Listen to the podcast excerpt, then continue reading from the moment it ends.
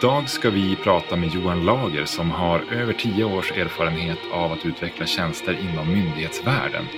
Johan förespråkar en användarcentrerad offentlig sektor och har under de senaste åren varit med och fört in tjänstedesignmetodik på Tillväxtverket. Där jobbar Johan idag på en avdelning som heter Förenkling som gör det just enklare för företagare i Sverige.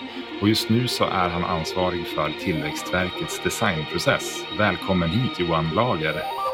Tack så mycket. Hur står det till med dig idag? Det står bra till. Eh, jättekul att eh, få vara med på den här podden. Ja, det ska bli spännande att höra eh, dina erfarenheter. Du har ju som en liten, kanske inte unik ställning i Sverige, men du är en av de få som jag har hört talas om som har drivit den här frågan om tjänstedesignmetodik inom offentlig sektor så, så hårt. Eh, innan vi börjar prata om hur, hur, du och ni har jobbat för att föra in den här tjänstedesignmetodiken på Tillväxtverket så får du gärna berätta lite grann om, om din roll och vad du gör idag på Tillväxtverket. Absolut. Uh, jag, som du sa, jag jobbar på en avdelning som heter Förenkling och vi jobbar ju för att göra det enklare för företag att starta och driva sin verksamhet. Och det är ju främst utifrån kontakter med myndigheter. Eh, idag så eh, är det många olika typer av myndigheter man behöver vara i kontakt med och möjligtvis också en hel del eh, inte bara skatteregler och bolagsregler och sådär utan även man behöver ansöka om olika typer av tillstånd och så vidare. Vi försöker göra det eh, enklare och med hjälp av digitaliseringen och andra smarta arbetssätt så, eh, ja, så, så försöker vi helt enkelt göra det eh, lite, enklare. Eh, eller inte bara lite enklare, försöker definitivt mm. ha ganska höga ambitioner. Och den tjänst som jag jobbar med då först och främst är ju verksam.se som mm. är startpunkten för en person som vill starta upp ett företag eller som driver företag och behöver information eller göra olika typer av ärenden mot myndigheter. Och den eh, tjänsten har funnits sedan 2009 så vi fyller tio år i år. Just det. Och har ungefär en, strax över tre miljoner unika eh, användare per år. Mm. Eh, och egentligen så min roll är att titta på vad behöver företagen? Eh, vad vilken typ av information skulle kunna förenkla för dem eh, eller vilka typer av tjänster och sen med hjälp av eh, ja, egentligen en, numera då en tjänstedesignprocess så försöker vi ta fram eh, koncept och eh, ja, olika typer av idéer eh, som vi testar mot, mot företag för att sen i slutändan eh, det faktiska ja, tjänster ut. Då. Och det kan vara allt ifrån eh, informations, eh, information de behöver. Det kan vara en podcast som, eh, som den här. Eh, det kan vara informationsfilmer eh, eller så kan det också vara en, någon typ av e-tjänst om man interagerar med en myndighet eller gör någon typ av ärende. Mm. Och om man backar bandet lite grann, vad är det som har gjort att du har fått upp ögonen för just tjänstedesignmetodik? Ja, precis. Eh, eh, jag har jobbat då eh, lite över tio år här och ända sedan första dagen som jag jobbar här så var vi väldigt inriktade på att utgå ifrån företagens behov och företagens frågor, hur vi då utformade vår verksamhet och det här myndighetssamarbetet då som verksamt kretsar kring. Där vi bland annat har Skatteverket och Bolagsverket och andra myndigheter och vi såg ju som en roll på Tillväxtverket att ta att försöka lyfta fram företagarperspektivet. Eh, för man har inte kommit riktigt så långt eh, på till exempel, inget ont mot Försäkringskassan och Arbetsförmedlingen och så vidare, men på den tiden så hade man kanske än mer ett inifrån eh, perspektiv på att förenkla eller jobba mot, mot den här målgruppen. Mm. Så därför så försökte vi föra in det perspektivet mer och mer. Och vi gjorde ju det och eh, eh lyckades eh, med eh, en hel del åtgärder tillsammans. Men vi såg också, eller jag såg, eller det var fler som såg att vi kanske inte alltid jobbade så smart ut. Vi visste att vi skulle utgå från företagens behov Men hur vi tog oss dit sen att göra bra, smarta tjänster, det var en ganska eh, lång process och det var mycket diskussioner och det var mycket ja, med rum för, ut, eh, för, för förbättring helt enkelt internt hur vi jobbade. Just det. Mm. Och då för några år sedan så kom jag i kontakt med det här begreppet design thinking. Jag såg att här har vi ju ett, ett lite annat, ett lite mer modernt sätt att försöka jobba när vi tar fram tjänster och information och så vidare. Där vi jobbar mer agilt, vi, vi prövar idéer, vi, vi involverar eh, företagen mycket tidigare i när vi tar fram koncept. Inte bara när vi lyssnar på deras behov utan att vi även när vi under projektens gång försöker inkludera dem mer. Mm. Och sen har ju resan blivit mer att vi också då för några år sedan eh, eh, sett till att ha att upphandla ett, eh, en tjänstedesignbyrå som då kunde hjälpa oss att eh, utveckla eh, den här metodiken mer tydligt eh, på eh, inom, inom det här myndighetssamarbetet. Då. Just det. Och hur, jag kan tänka mig när man är van som, som myndighet, som grupp, att, att fastna i de här långtgående diskussionerna och sen byter man till ett arbetssätt som är just väldigt agilt så måste det vara en stor, en stor omställning för människor. Hur har det här tagits emot och, och, och landat hos, hos dina kollegor? Jag tycker det har eh, landats bra eh, överlag för jag tror också att vi hade en väldigt bra utgångspunkt. Eh, inte bara på Tillväxtverket utan de som jobbade med verksamt och det här samarbetet från de andra myndigheterna. Att vi, vi, hade ett sånt eh, hela tiden tänk att vi, det är för företagen vi gör det här. Mm. Och då när man kommer in med metodik som säger att eh, ja, vi tar det perspektivet och så tar vi och liksom formaliserar det och jobbar utifrån processer och jobbar med, med olika typer av verktyg för det så togs det emot eh, väldigt bra. Även om det också är en stor omställning, man måste tänka nytt, så, mm. Eh, så tror jag att det, det var en väldigt bra grundförutsättning. Eh, helt enkelt. Sen är det ju det med, om jag pratar om tjänstedesign då, så är det ofta att man ska ta fram till exempel personer och kundresor och många sådana här saker som kanske blir lätt att, att det blir bra, eh, bra arbete men sånt, sånt som är lite svårare sen att tillämpa in i verksamheten. Då. Eh, så det har varit en liten resa med, eh, med det helt enkelt. Också. Ja, hur, hur, kommer man runt det? För det känns ju sannoliken som en rätt vanlig fälla att, att man tar hjälp av någon eller att man själv lägger alldeles för mycket energi på att ta fram den här typen av verktyg som mm. till exempel en persona men sen vet man inte riktigt hur man ska omsätta den. Mm. Hur, hur, hur har ni kommit runt det? Alltså jag, jag, tror vi har fortfarande en resa att göra men eh, det, det, viktigaste för oss var nog att se att vi själva behöver bygga den här typen av kapacitet inom organisationen. Att vi inte är beroende av konsulter för att göra tjänstedesign. Mm. Och det ser vi på många myndigheter har även anställt tjänstedesigners och har den här typen av team eh, hos sig.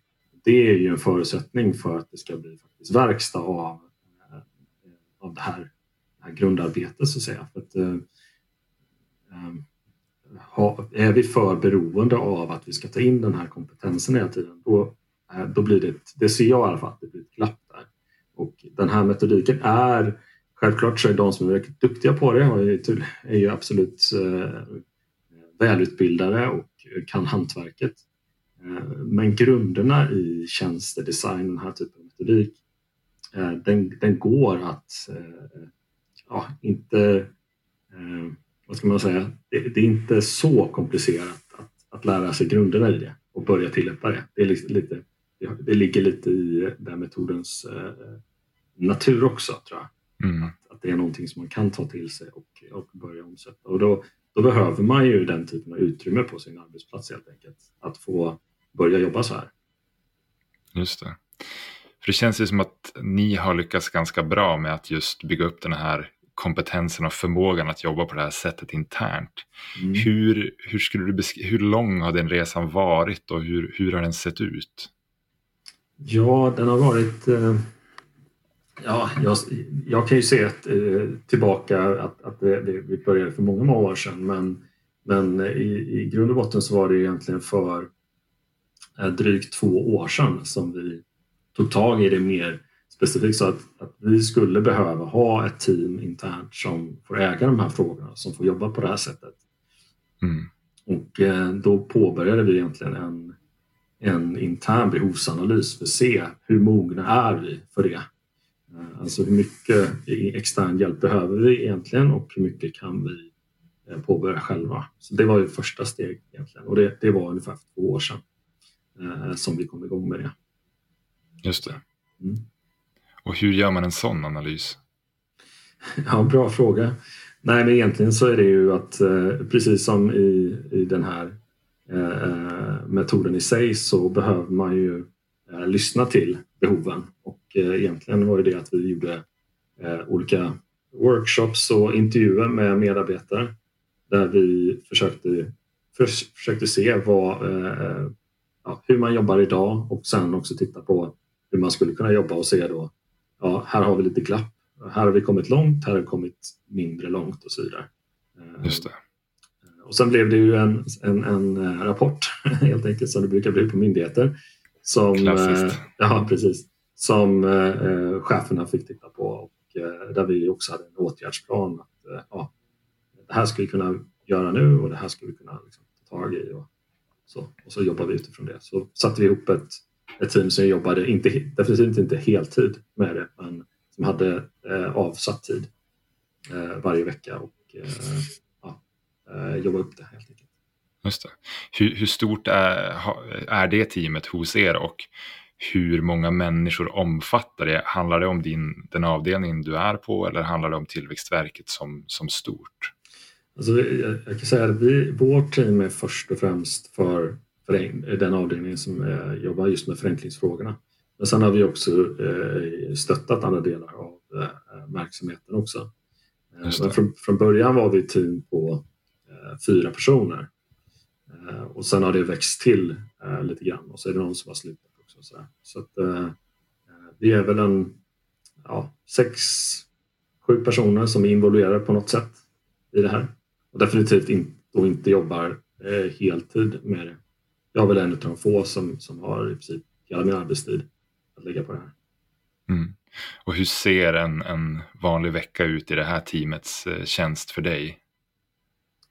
Ja, det, det, det beror lite på eh, om vi har eh, till exempel då en, en, sprint som vi ska göra med ett projekt. Då är det väldigt mycket fokus på det. Eh, och sen kan det vara olika typer av användartester. Vi är ute och testar eh, kanske befintlig information som finns som vi behöver förnya så är vi ute hos eh, ja, företag och gör djupintervjuer med dem. Tittar hur, hur det fungerar idag och vad vi behöver åtgärda. Så ja, det är väl ett exempel på saker som vi, som vi gör under en vecka. Just det. Ja, du nämnde ju sprint här och du var ju faktiskt en av, av talarna på Hello Futures spår på internetdagarna förra hösten där du, du pratade om att för er, det hände någonting för er på Tillväxtverket när ni fick testa på en, eh, en sån här innovationssprint för första gången för ett par år sedan. Kan du berätta vad det var som du upplevde hände som, gjorde, som kanske var som en katalysator om jag tolkar det rätt för, för det här arbetet? Ja, precis. Alltså, för eh, mig och en kollega som heter Fredrik så tror jag nog att det var en, en, en polett som trillade ner, eller en viktig pusselbit i alla fall. För att, eh, som, som jag berättade så har vi ju höll vi på. Vi gjorde en, en intern behovsanalys. Vad behöver vi? Eh, och sen eh, hade vi påbörjat det arbetet och tittat på och, eh, ja, ut, utforma egentligen praktiskt arbete. Och det som vi saknade lite grann det var, det var liksom en lite avgränsad aktivitet som ändå mm. ut, som, som ger ett väldigt tydligt resultat där den här metodiken är väl förpackad. Just det. även där vi, inte, där, vi, där vi själva inte känner att, att tröskeln är för hög, att vi själva inte kan leda den här typen av aktivitet eller göra det som, som man gör under den här sprint. Um, så det var lite pusselbiten som jag kände att det, det som hände, att vi fick ut ett, ett tydligt resultat. Vi, vi testade någonting på målgruppen och vi använde den här metodiken och det var, det var avgränsat. Vi fick lägga fem dagar på det och vi fick ett resultat. Eh, mm. Ofta när man, när det är, vi, vi pratar lite grann om personer, kundresor, eh, jätteviktigt arbete. Vi är också, ska säga, en, en eh, organisation som verksamt då, som har funnits i tio år eh, och som jag nämnde tidigare, vi har mycket kunskap om vad vår målgrupp behöver. Så vi, jag tror vår, vår stora behov var att snabbt också komma fram till lösningar och testa de här lösningarna. Och även komma in i ett mindset där, där en, den första skissen, den första idén inte är en, en, eh, en, en eh, färdig idé. Utan att det är, en, det är bara en första variant av någonting som vi sen kan, kan skruva på eh, framöver. Just det. Ja, det är ju sannerligen ett ganska stort steg kan jag tänka mig när man börjar tänka på, på det sättet och våga göra ofärdiga Typ, typ, typer som man testar.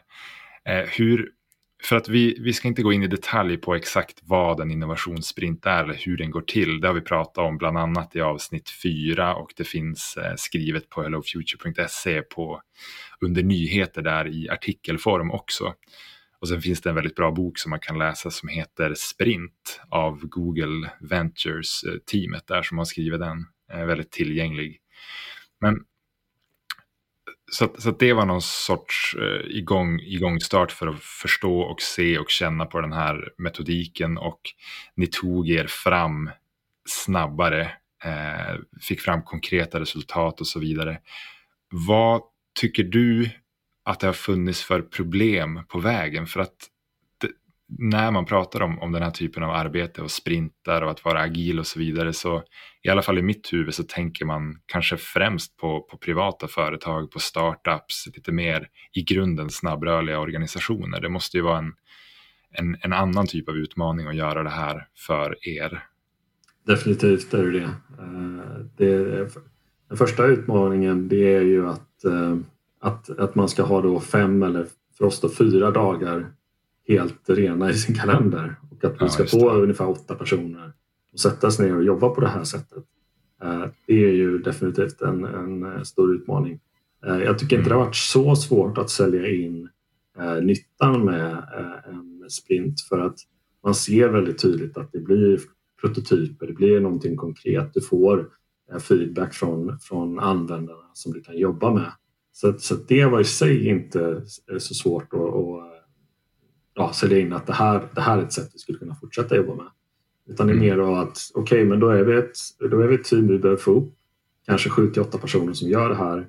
Eh, och då är det så här, ja, du behöver ha en hel vecka i din kalender där du inte har mm. några andra möten, där du inte gör någonting annat i princip. Ja, nej, för det, det kan vi väl inflika att det är väl så rekommenderar eh, i den här boken som många utgår ifrån när man gör innovations och designsprinter så, så utgår det ifrån att man har en arbetsvecka från måndag till fredag där man gör olika aktiviteter mm. varje dag, hela dagarna, mm. alla i teamet. Men hur har ni kommit runt det där då? För att det, det förstår jag att det är inte helt enkelt kanske på en myndighet att, att frigöra scheman på det sättet. Det, det, det, första var att det var en väldigt positiv nyhet när vi hade eh, vi hade testat lite grann under första året och skulle komma igång liksom lite ordentligt. Då eh, upptäckte vi att eh, det var en, en firma eh, som jobbar då också tillsammans med den här författaren till boken som mm. hade eh, tagit bort en dag så att det bara var fyra dagar. Så att det, det, var det första och att man också hade förenklat eh, vissa moment. och det funkar också att, att ha all, alla i teamet är med två dagar. Så vi säljer in det ungefär som att man måste avsätta två eldagar i rad. Mm. Eh, det gör det ju mycket, mycket enklare att se ja. att det här är görligt. Och sen kan man ju då också sprida ut de här dagarna. Vi ser inte ett jättestort behov att allt måste ske fyra dagar i rad. Eh, vilket också bara komplicerar för oss om vi nu skulle säga det att nej men om vi ska göra det här så måste vi ha fyra dagar. Och då hade vi inte gjort eh, sex, sju till sprintar. Eh, som vi har gjort. Då, utan, eh, istället så har det varit två heldagar och sen har vi en prototypdag eh, som en del kan delta på och sen har vi testdagen som vi uppmuntrar alla att vara med på. Men de behöver kanske inte vara med hela dagen eller de kan också vara med på distans och annat. Vi jobbar ju ofta med personer som, som sitter på andra kontor eller andra myndigheter. Och så, där. så därför har vi kunnat göra det flexib lite mer flexibelt och eh, tycker att det funkar eh, minst lika bra. Just det. Och hur stora grupper har ni, har ni, brukar ni vara när ni, när ni gör sådana här sprintar? Alltså man säger ju då att eh, det, det, man ska inte vara fler än åtta personer. Då i, sen har du personer, vi är två stycken som faciliterar. Då. Vi kanske är tio stycken totalt. Då. Eh, mm. Men vi har ju varit, allt, jag tror minsta gruppen var kanske fem eller sex personer. Just det. Upp till åtta då, så har vi varit också. Mm. Och på, på dig som, för du bär ju någonstans de här dagarna i egenskap av facilitator, men Precis. hur behöver du förbereda de andra? För att du, du behöver ju kunna, du behöver förstå det här på djupet och kunna mm. Eh, den här processen ordentligt. Och det antar jag att det har du på något sätt utbildat dig själv i, eller hur har du fått den kunskapen? Ja, alltså vi har ju, eh, gjorde ju efter första eh, sprinten så hade vi ett, ett behov som kom in eller var en, en projektledare som sa jag har eh, möjlighet, jag skulle eh, att, att göra den här typen av aktiviteter. Det här var väldigt intressant och det passade väldigt bra in. Så då kunde vi göra två stycken eh, sprintar eh, där vi då tog hjälp av vår eh, byrå eh, att facilitera. Men då var vi med och lärde oss under tiden. Mm. Och sen gjorde vi även en intern i vårt team när vi liksom formaliserade det här teamet så gjorde vi själva en sån sprint för vår egen skull. För att vi skulle då eh, titta på hur ska vår designprocess ska se ut. Då använder vi sprintmetodik. På så sätt så, så, så, var det mycket learning by doing. Sen kan man ju titta på Youtube och man, man kan eh, jag vet inte, min bok är ju väldigt sliten. Den har bläddrat sig fram och tillbaka. Så att, eh, det, är mycket, det är mycket själv. Eh, liksom att, att eh, sen vet jag att det finns kurser och annat sånt onlinekurser och annat och, och, och, ta del av för att lära sig den Men vi, vi, vi såg till att ha en, en tid där vi utvärderar väldigt mycket. Funkar det här? Vad, vad, eh, hur ska vi jobba? Ska vi ta in kanske någon konsult som gör en viss del av det hela? Vi kan, mm. kan dela upp det hela och köpa in kompetenser. Så vi har ju, vi, självgåendet har ju tagit tid. Helt enkelt. Mm. Det gör det. Jag tycker det är lite fint att ni har en, det blir någon sorts meta-sprint för att utröna hur sprintarna kan se ut. Och ja, lite det handlar väl, handlar väl mycket om just att våga göra de här sakerna, att det inte behöver vara perfekt och att man kan hoppa på och tänka på det här sättet och jobba på det här Så. sättet utan att ha gått igenom alla möjliga utbildningar först.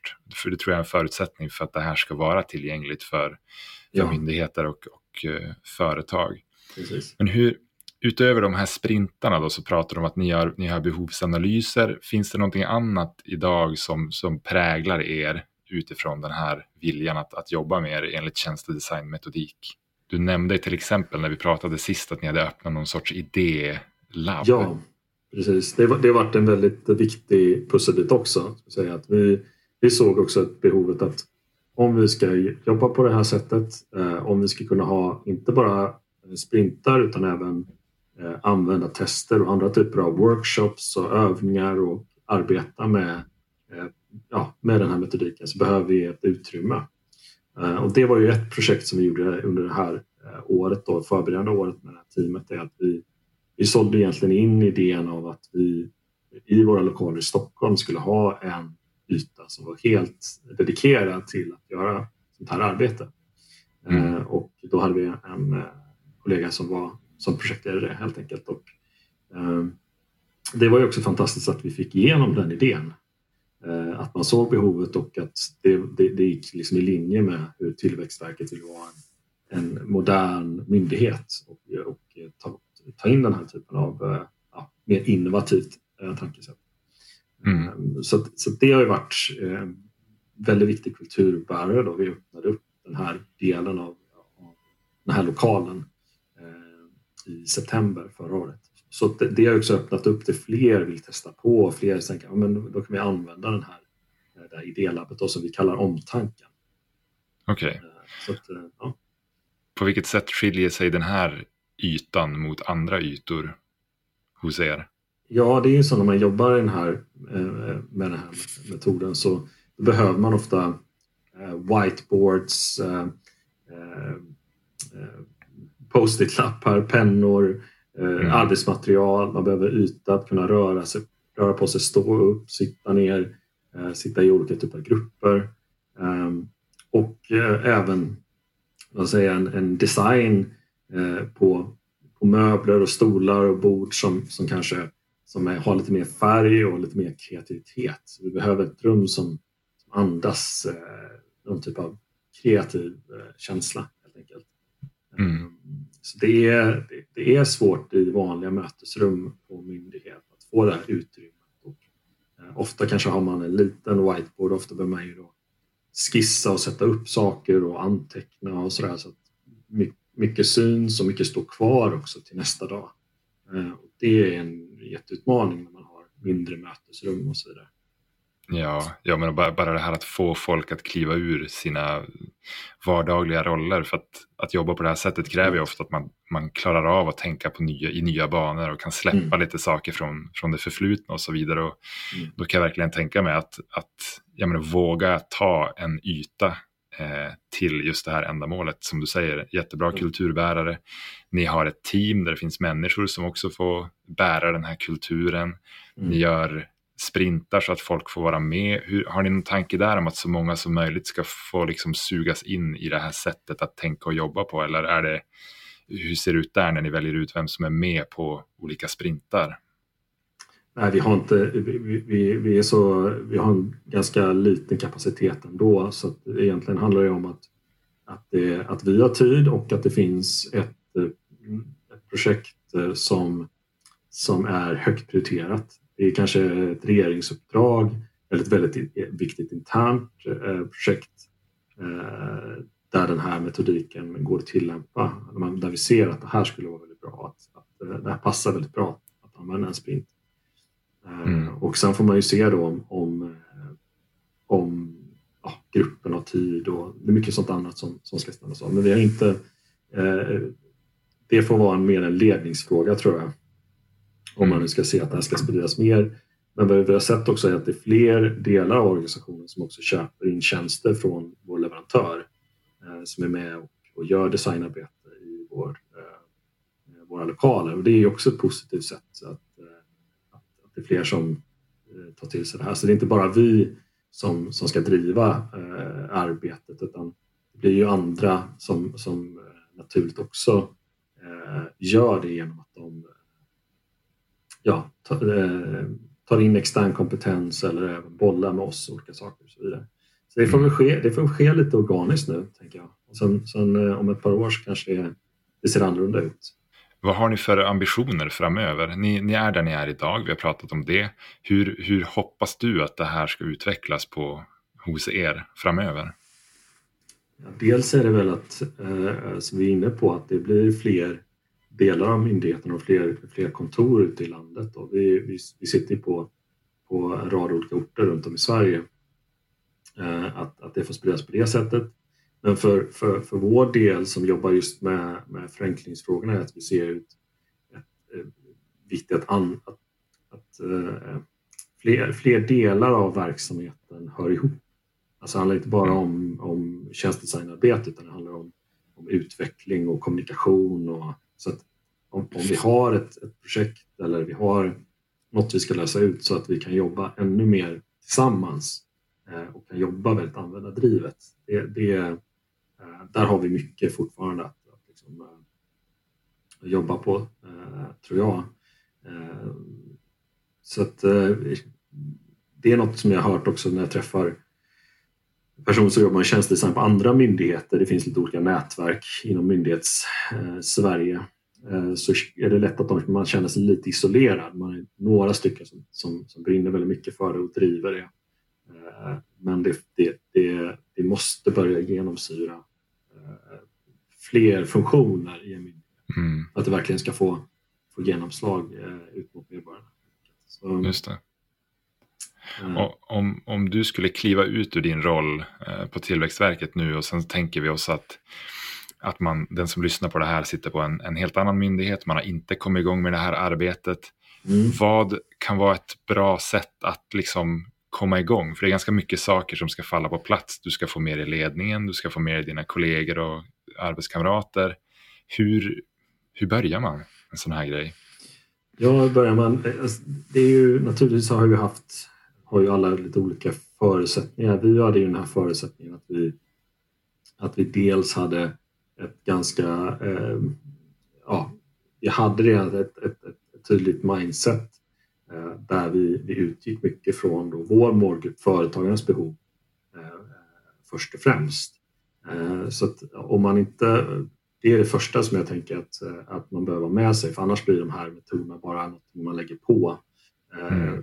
Och en, ett nytt sätt att arbeta och det, de där har kommit och gått så länge, så många gånger om man i alla fall jobbat längre i offentlig sektor. Så det, det, det, tycker jag är liksom det första att, att, att se och då, då, då, kanske det är någon typ av aktivitet eller någonting man behöver göra för att det man pratar om i tjänstedesign, det första steget är empati. Och det, är ju, mm. det är, måste man ju börja med att skapa. Och sen, sen är du inne på det här med att, att eh, man behöver ha ett go från ledningen, man behöver tid i sin kalender. Eh, att, börja, att kunna jobba lite mer utforskande och att, inte, att det inte ska leda till sådana här hela tiden konkreta resultat direkt. Utan man behöver lite tid att, att, att få utforska och, och fundera eh, mm. på vad som, som eh, vad som passar just eh, verksamheten. Då. Eh, och som sagt var, det finns ju många olika typer av eh, metoder och arbetssätt eh, som är liksom användardrivna där eh, vi då har, har märkt att just den här sprintmetodiken har passat väldigt väl. Mm. Men jag tror också att det som, som jag nämnde kanske i början är att ha, har du någonting som blir så pass konkret att du kan avsätta liksom, en specifik tid i kalendern eh, där du genomför det här och du får specifika resultat eh, så, så kan det vara så behöver inte det vara en sprint men så länge det är det så blir det någonting som eh, du kan upprepa på samma sätt och då kan du också skapa rutin på det. Mm, jag tror att jag, jag tror en, en, en, en, viktig nyckel att skapa en sån här innovationskultur på, på en, ett företag eller en myndighet är ju att skapa rutiner. Att mm. man, man, man, fortsätter att upprepa och gör saker om och om igen. Och att det inte blir punktinsatser eller någonting som ja, vi gör det här nu som ett projekt utan man försöker bygga en kapacitet där man, man, man, man är, är ett, ett par personer som har till uppgift att, att eh, fortsätta jobba med det. Om det så är bara lite, lite varje vecka Mm. Eh, så, är det, så, så kommer det i sin tur skapa vissa resultat, det är jag övertygad om. Just det. Eh, eller, blir det strategier och, och eh, man säga, bra policy att man ska jobba användardrivet, då händer inte lika mycket. Men är det någonting som man avsätter tid för att göra konkret, regelbundet, då händer det mer. Mm. Det är min erfarenhet i alla fall. Ja, men jag, kan, jag kan relatera till det också. Och det, alltså, det, det känns verkligen som att den största fällan som man kan gå i när det kommer till att jobba tjänstedesign eh, drivet är att teoretisera det alldeles för mycket. Ja, för, för det handlar om att göra och det handlar också om att våga göra saker som kanske inte är så bra mm. för att det är en del av processen. Ja, det är väldigt. Och det är folk inte vana med. Eh, det där tycker jag man kan känna själv när man, när man snabbt tvingas ta fram många idéer, att man gärna censurerar sig själv. Mm. Och det, hela den här processen handlar ju om att våga släppa in olika tankar, olika människor och se, liksom, se mm. idéer och se saker och ting som steg mot framtiden och erkänna mm. att man kanske inte vet. Nej. Men hur, för, för det här är ju mer än ett arbetssätt och vi har ju varit inne på det och jag är lite grann inne på det nu också. Det är också ett, en, det är en attityd, det är ett förhållningssätt. Har du kunnat se några effekter av att ni har fört in det här på, hos er, alltså utöver de här lite snabbare resultaten? Har människor, har, har dynamiken i gruppen förändrats på något sätt? Har folk, mm. Kan man ta med sig de här, de här attityderna in i andra delar av sitt, sitt arbete? Finns det någonting sånt du, du har sett? Ja, jag har lite svårt att avgöra det. Eh, men, men det kvittot är väl att vårt idélabb är i princip fullbokat varje vecka. Ja, eh, och man måste vara ute i väldigt god tid för att, för att få tid för att ja, använda lokalerna, till exempel för två, tre dagar i rad och så vidare. Det vill säga mm. att det, det, det används och Man har också uppmuntrat andra typer av aktiviteter på de olika kontoren där vi använder den här metodiken. Så jag tror, jag tror att det det är väl det, de resultaten man ser nu. Sen, sen har inte jag, eller vi har, vi har inte utvärderat enskilda medarbetare i hur, hur mer användardrivna de upplever sig vara eller så vidare. Så, sätt. Nej, den är svår. Ja, precis. Men, men mer att vi har fått väldigt positiv feedback på att det är ett väldigt roligt sätt att jobba på. Eh, eh omtanken är väldigt uppskattad, eh, alltså det här idélabbet då.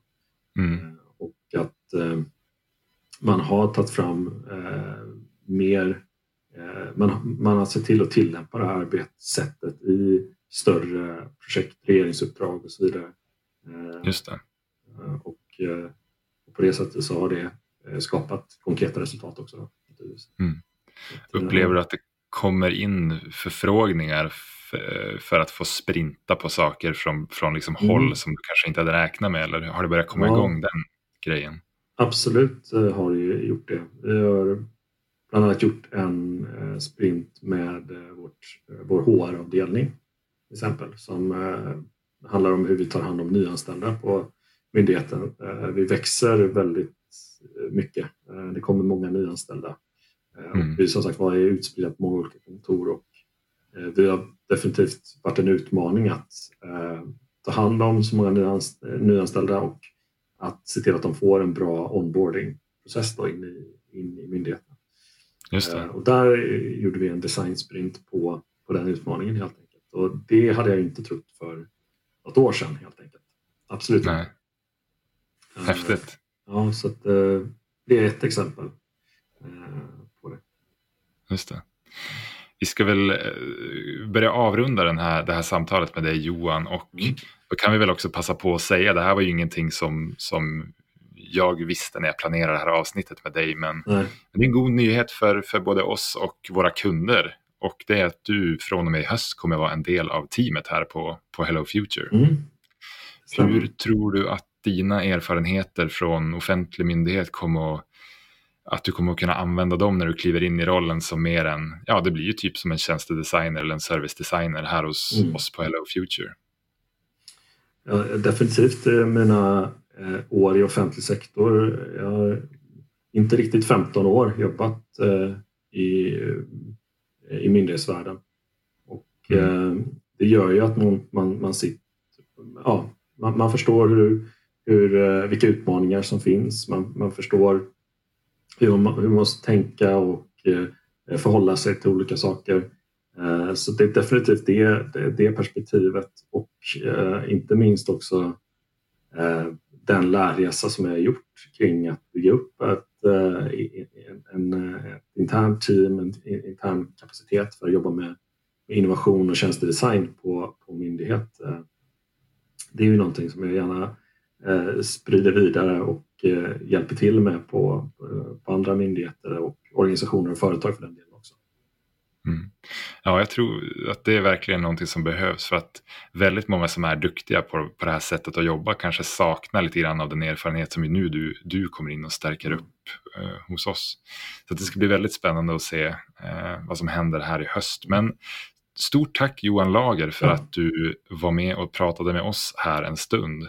Mm, tack så mycket. Och för att jag fick eh, delta. Det, du är välkommen tillbaka när som helst.